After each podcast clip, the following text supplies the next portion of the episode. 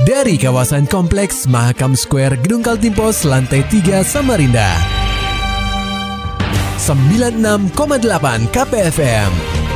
Kita akan ikuti program KP Flash News.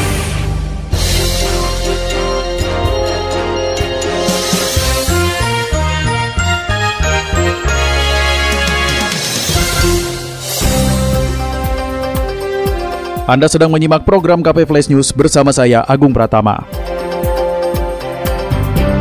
Berita utama. Pendengar KP, baru-baru ini publik kota tepian banyak yang terjebak penipuan bermodus pembuatan surat izin mengemudi atau SIM di sosial media. Padahal sudah jelas, Polresta Samarinda hanya menerima pelayanan SIM melalui Satuan Penyelenggara Administrasi SIM atau Satpas dan aplikasi SIM Nasional Presisi atau Sinar. Kasar Lantas Polresta Samarinda Kompol Wisnu Dian Ristanto melalui Kasubnit 2 Regiden Satlantas Polresta Samarinda Ibda Mulyadi membenarkan bahwa pihaknya beberapa hari belakang kerap menerima aduan dari pemohon SIM yang tertipu dengan aksi oknum tersebut. Mulyadi membeberkan berdasarkan informasi yang diperoleh, pelaku ini menawarkan jasa untuk membantu membuatkan SIM di sosial media. Ketika ada yang tertarik, mereka meminta agar pemohon untuk menyerahkan pas foto, kartu tanda penduduk atau KTP, dan tanda tangan si pemohon orang tersebut menawarkan kepada masyarakat untuk membantu SIM A atau SIM C atau SIM B dengan persyaratan dia meminta kepada pemohon untuk mengirim pas foto, eh, KTP sama tanda tangan. Nah, setelah itu sama uh, si pelaku jadi dia diolah atau diedit seolah-olah SIM-nya itu sudah jadi ya Hmm. dipoto di lewat WA. Mulyadi menambahkan ketika korbannya sudah membayar sesuai nominal yang ditentukan, pelaku meminta si pemohon untuk membawa bukti transfer ke Satpas Polresta Samarinda guna mengambil fisik SIM. Namun setibanya di sana, SIM mereka justru tidak pernah terdaftar di kepolisian. Kalau yang kemarin itu yang sudah transfer 900. Jadi jadi SIM A, SIM A-nya kena 500, SIM C-nya 400. Padahal nominal pengurusannya Pak. Pengurusan pengi- pengurusannya eh, kalau SIM C untuk PNBP-nya 100. Kalau untuk apa? SIM A 120 itu aja, Pak. Menyikapi hal ini, Perwira Balok 1 tersebut mengimbau masyarakat agar tidak mudah percaya dengan penawaran pembuatan SIM melalui sosial media. Selain itu, masyarakat bisa menghubungi layanan pengaduan dan informasi yang telah tersedia jika mereka tidak tahu tata cara dan syarat penerbitan SIM. Berita selanjutnya, polisi akan melakukan tes DNA untuk memastikan jasad yang mereka temukan adalah wanita yang hilang selama 16 hari bernama Juwana. Laporan selengkapnya akan disampaikan reporter KPFM Samarinda, Muhammad Nur Fajar.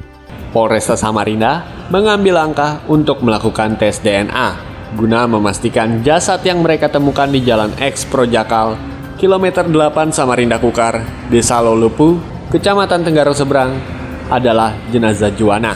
Dalam pemberitaan sebelumnya, unit Jatanra Satreskrim Polresta Samarinda menemukan sesosok jasad yang hanya menyisakan tulang belulang di lokasi tersebut pada Jumat 24 September 2021. Jenazah itu diperkirakan adalah Juwana, lantaran yang menunjukkan lokasi tersebut adalah rekan kerja korban yang tega menghabisi nyawa wanita 26 tahun itu. Kasubnit Inafis Polresta Samarinda, Aibda Hari Cahyadi menuturkan, pihaknya telah mengambil sampel darah orang tua Juwana pada Senin 27 September 2021 untuk proses penyidikan lebih lanjut. Selanjutnya, sampel darah tersebut akan dibawa ke laboratorium DNA Mabes Polri untuk pencocokan data. Meski pakaian yang ditemukan identik dengan foto Juwana yang diterima oleh pihak berwajib, Hari enggan untuk menyimpulkan bahwa jasad yang mereka temukan adalah wanita asal Muara Ancalong yang hilang selama 16 hari lamanya.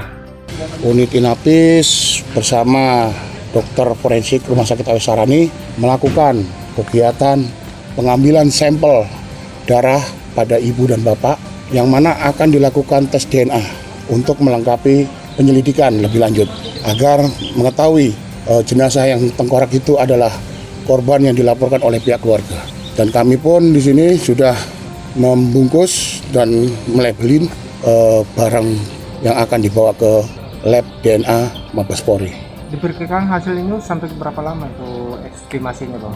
Sesuai dengan kegiatan yang lalu-lalu, tes DNA bisa diambil kurang lebih dua minggu. Setelah proses autopsi dan pengambilan sampel untuk tes DNA di Rumah Sakit Umum Daerah atau RSUD Abdul Wahab Syahrani usai, jasad yang diduga Juwana ini segera dimakamkan di tempat pemakaman umum di kawasan Samarinda seberang. KPFM Samarinda, Muhammad Nur Fajar melaporkan. Beralih ke berita selanjutnya, Gubernur Isran sebut aparat TNI dan Polri bakal dampingi atlet Kaltim selama di PON 20 Papua.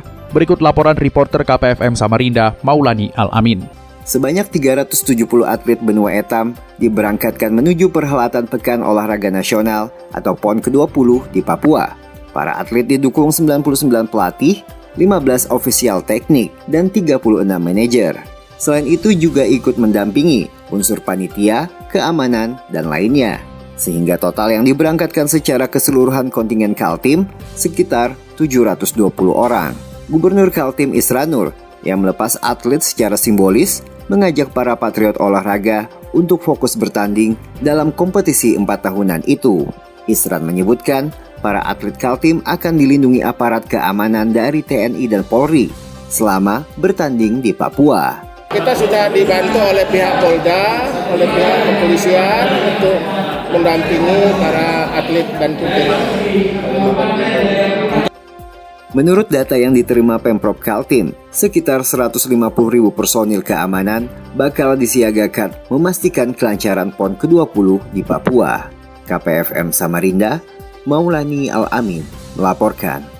Masih dari dunia olahraga pendengar KP, Riva Moza Rizkia jadi atlet yang pertama mempersembahkan medali untuk Kaltim pada ajang Pekan Olahraga Nasional atau PON 20 di Papua.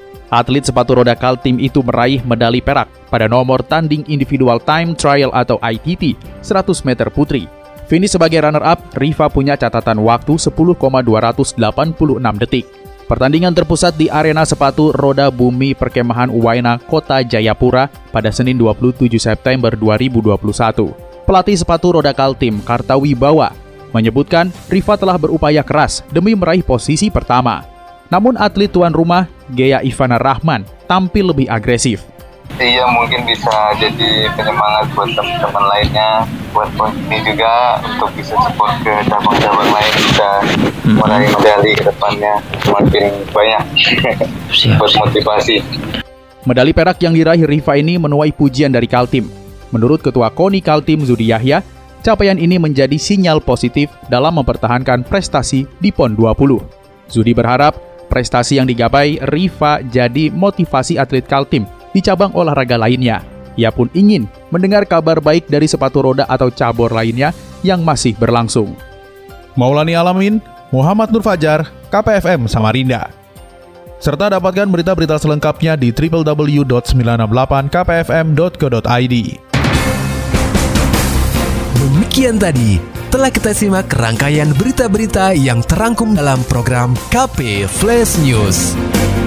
Persembahan dari 96,8 KPFM.